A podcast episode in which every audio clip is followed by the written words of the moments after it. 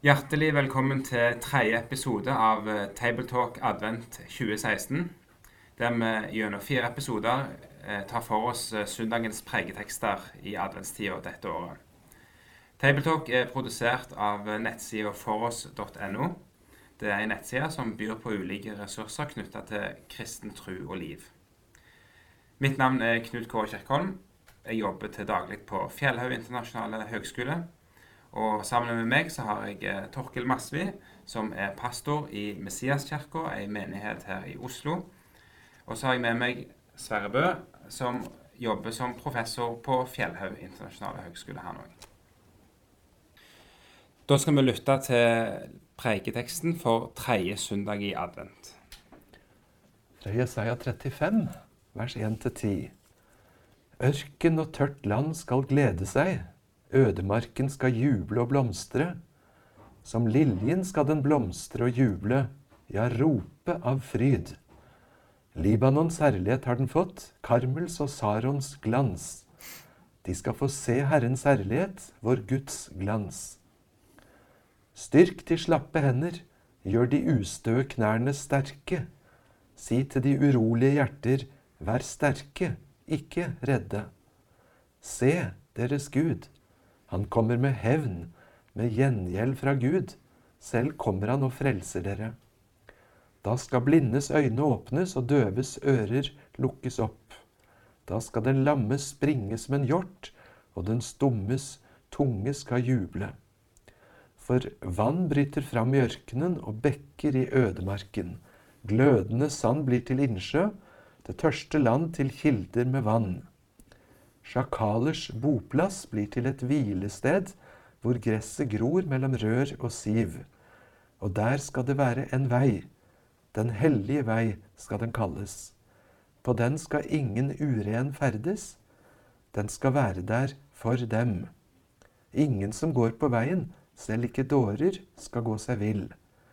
Men der skal det ikke være noen løve, rovdyr skal ikke gå på den, de skal ikke finnes mer. Men de som er løst ut, skal gå der. De som Herren har fridd ut, skal vende tilbake. De kommer til Sion med jubel, med evig glede om sin panne. Fryd og glede griper dem, sorg og sukk må flykte. Dette er jo eh, tredje søndag i advent. Det er den søndagen som eh, ofte vies til døyebarn Johannes. og og dette kirkeåret så har, eh, har Kirka bestemt at vi skal lese GT-teksten og ikke evangelieteksten. Og så er det jo likevel sånn at det er jo, det er jo denne teksten Jesus eh, henviser til når Johannes har sendt sendebud for å spørre om Han sitter i fengsel nede, i, ved Dødehavet og, og, og, har det vanskelig. Og så spør, begynner han å lure er Jesus virkelig den han venter på. Så er det dette Jesus svarer med. Mm. Um, og hvordan uh, Ja, hvordan kan det ha føltes for Johannes? Uh, han har nok kjent denne teksten. Og, og hva ligger det i den teksten? Hva, hva, hva, handler den teksten egentlig om? Det er jo det som, som er, det, er, det, store og viktige spørsmålet å, å, svare på. Og Sverre, du kan gjerne reflektere litt først om, om noen sånne tanker du har om han. Ja, jeg er sikker på at døperen Johannes kjente Jesaja 35-teksten veldig godt, og at han så Messias løftene i det. Mm. Jesus forutsetter det, at det er nok å fortelle hva som skjer rundt der jeg ferdes. Så vil han slutte tilbake til hva er svaret på om Jesus var Messias eller ikke. Mm. Når vi nå leste alle de ti versene, så, så, så vi at her er det mange forskjellige måter på en måte at frelsestiden blir meisla ut. Mm. Ørken skal bli til fruktbart land. Naturen skal endre seg. Rovdyrene skal ikke være en trussel, for de skal simpelthen fjernes. Mm. Eh, veien skal ikke være nedgrodd, men den skal være ryddet. Mm. Og, og, du ser for deg et ordna samfunn der det er trygt å bo, og du får leve der. Og så er det noen ord om de som er i eksil, som skal komme tilbake igjen. Mm. Og de skal søke til Sion. Så det er liksom ganske mange typer av frelsestid som vises frem for oss. Mm. Jeg har kanskje tenkt når jeg leser den teksten, at her er det vel sant, det bildet som så ofte brukes av at Når du går i fjellheimen, så ser du en masse fjelltopper. Og på avstand så kan du ikke tenke spesielt på hvor langt er det fra den første til den andre til den tredje fjelltoppen. Og når du bretter det ut litt i sideveis, så er det ikke godt å se hvem som er nærmest i det hele tatt. Kanskje er det noe slik at Jesaja 35 tegner mange sånne fjelltopper av frelsestid. Mm. Noe av dette ble oppfylt ved Jesu førstekomme. Og så kan det hende det er noe vi skal vente at skjer når Jesus kommer tilbake eh, igjen. Eller kanskje i det fullendte Gudsriket til slutt. Mm. Eh, og så får vi i hvert fall forankring for hovedsaken at ja, disse lammene skal gå. Det skjedde der Jesus var, mm. der Guds rike brøt frem. Mm. Han er den som var varslet. Mm. Og så har likevel teksten i seg eh, at han kommer med hevn og gjengjeld. Eh, mm. og at frelsesbudskapet og håpsbudskapet det, det går liksom i, i ja, hånd i hånd egentlig med, med, med, dette her. Med hevnen og, og, og, dommen. Og det er vanskelig å tale over det da, når, når du har den, den tosidigheten. Hvis, hvis, vi tar linken til Johannes døperen, da, mm. eh, så har jo han nettopp snakka om eh, kasteskuffelen ja. og, alt sammen. Altså, så, så, han vet jo at tiden med dom og frelse mm. går rett ved siden av hverandre. Mm. Ikke sant? Så jeg, eh, hvis jeg får ta det først, da, så, mm. så, tror jeg Det er ikke så dumt å, ha, å lese hele hvor, hvor, dette kommer fra. Mm. Fordi når Jesus og Nytestamentet siterer noe fra Gammeltestamentet, mm. eh, en, en, setning, mm så siterer den ikke setningen, den siterer alt. Mm. Hele greia. Det er, det er, ikke så på Karl Johan, hvor du går på sånn der sitat fra Ibsen. Mm. Og da, er, da syns vi at selve setningen er glimrende, så vi syns den er verdt å huske. Mm. Her er hele poenget her at de som hører, og Johannes døperen også, når han hører eh, mm. setningen som Jesus siterer, så er meningen da taues hele kapitlet inn. Mm. Så jeg tror det kan være en god øvelse for oss mm. nå. Mm. Eh, og da er både domssiden, men også den her løftesiden kommer. Mm. Og jeg, det som, jeg har bodd ti år eller jobba i Israel. Mm. Og, og, en del kristne som møter rabbier, spør kunne ikke Jesus være Messias. Mm. Og så ser rabbin ut vinduet. Det er sånn typisk svar, da. Mm. Og så sier han 'jeg tror ikke det'. Sier han. Hvorfor det? Jo, for i den messianske tid har ikke kommet. Og sier de det er krig, det er sykdom og alle disse tingene. Mm. Så egentlig så, så, er dette sitatet, når Jesus bringer det inn, så sier han til Johannes døperen den messianske tid har kommet. Den tidsalder som er her. Nå mm. vet vi at det er flekkvis. Der Jesus var, var det fullt og helt der han valgte å gjøre det. Mm. Og ellers så er det flekkete. Altså det er eh, ennå ikke full, det fulle kommet, så det varsler jo noe som kommer der fremme. Mm. Ikke sant? Mm. Eh, ja. ja. Ikke sant. Um, Stemmer. Ja. Du har et veldig godt poeng, Torkel, når du sier at døperen var så på innsiden av at frelse samtidig har dommen ja. som en tvillingbror ved siden av seg. Ja. Jeg har fått være med å oversette disse kapitlene i Jesaja i, i Bibelselskapet med mm. mye kamp og møye. Ja.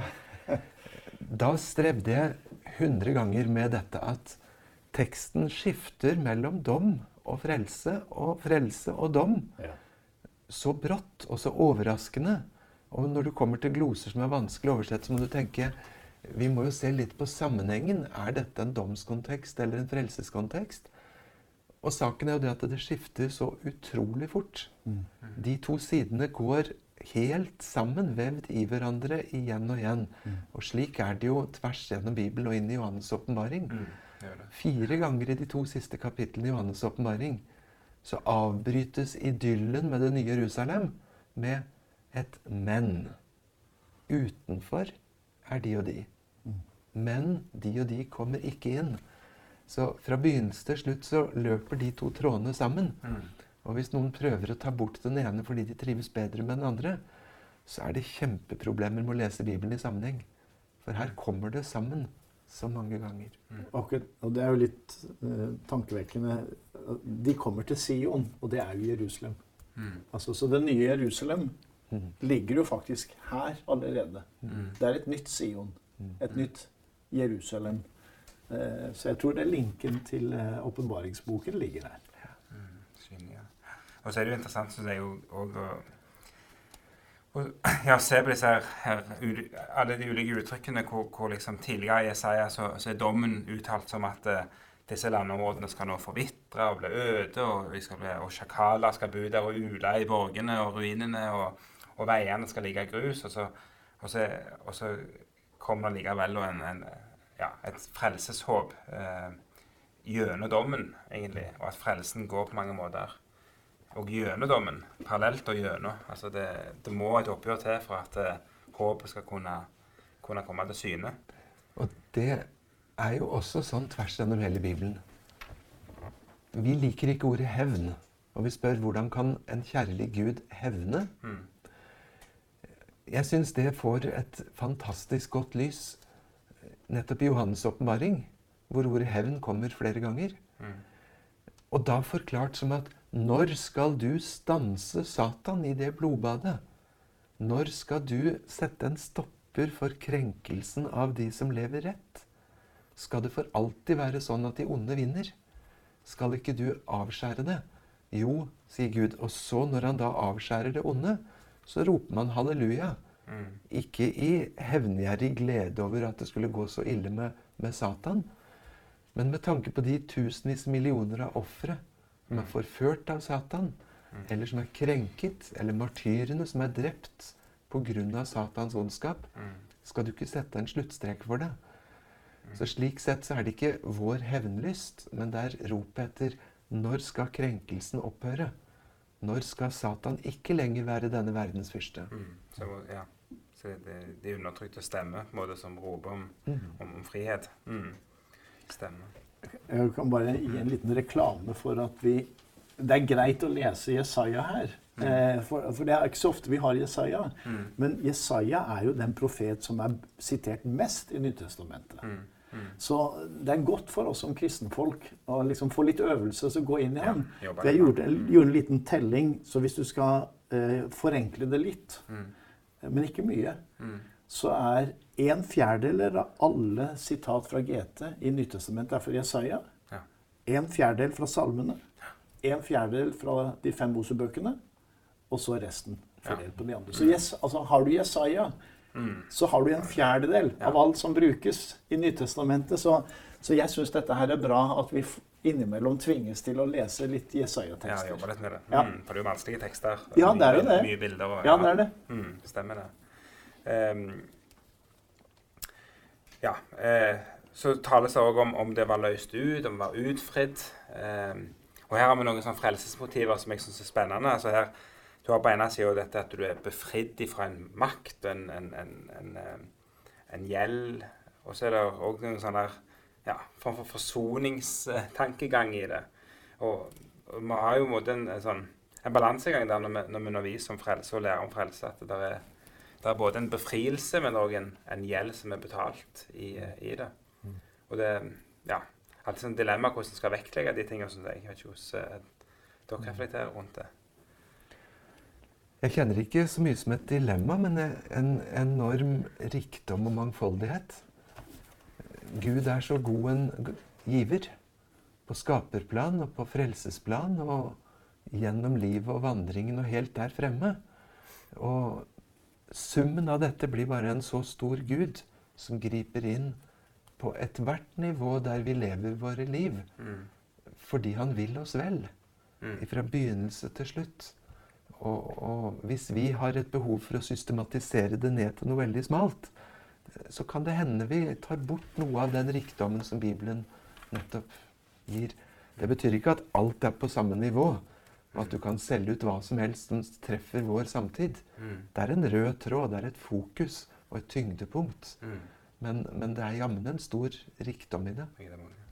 Disse dårene som ikke skal gå seg vill, hvem er de? Har vi tenkt på det? Hvem er, selv ikke dårer skal gå seg vill? Er det en ting med Det er ikke sikkert vi behøver å gå så mye lenger enn til oss selv. Nei?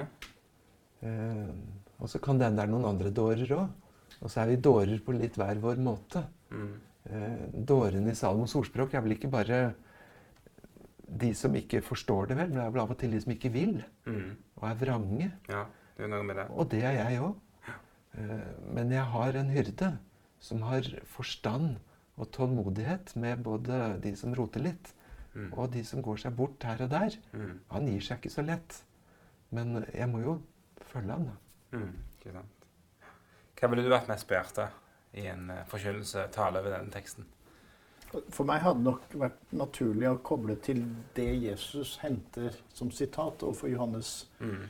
døperen. Uh, at alt det Jesus har gjort i de tre årene da han var virksom, Mm. eh, og at det er vitnesbyrdet om at han er den som ble lovet her. For hele Jesu poeng er jo faktisk at han er oppfyllelse av hele GT. Mm. Eh, jeg, vil, jeg tror jeg ville ha Begynt der. begynt, der. ja. Mm. Stemmer. Sverre, har du Ja, det er eh, helt klart. Altså. Når jeg har fasiten i Nytestamentet Mm. på hva en GT-tekst betyr, Mm. Så, så er det dit jeg vil. Ja. Og det må få bli hovedsaken og styre det mot det. Mm. Mm. Som et trøstebudskap til en som ikke forstår og, og lurer på hvor Når kommer han? Hvor er han hen? Mm. At det, Ja, se. det, og, og, nettopp da vet jeg altså Når ikke en dåre kan gå vil, vill, Mm. da, da kan han hjelpe meg. Ja, Så sant? det går bra. Det så lenge bra. jeg holder meg til han. Det er han. Mm, stemmer. Med det så vil vi takke for eh, at dere fulgte med oss på den tredje episoden av uh, Tabletalk Advent 2016, og ønsker også velkommen til å følge den fjerde og siste episoden.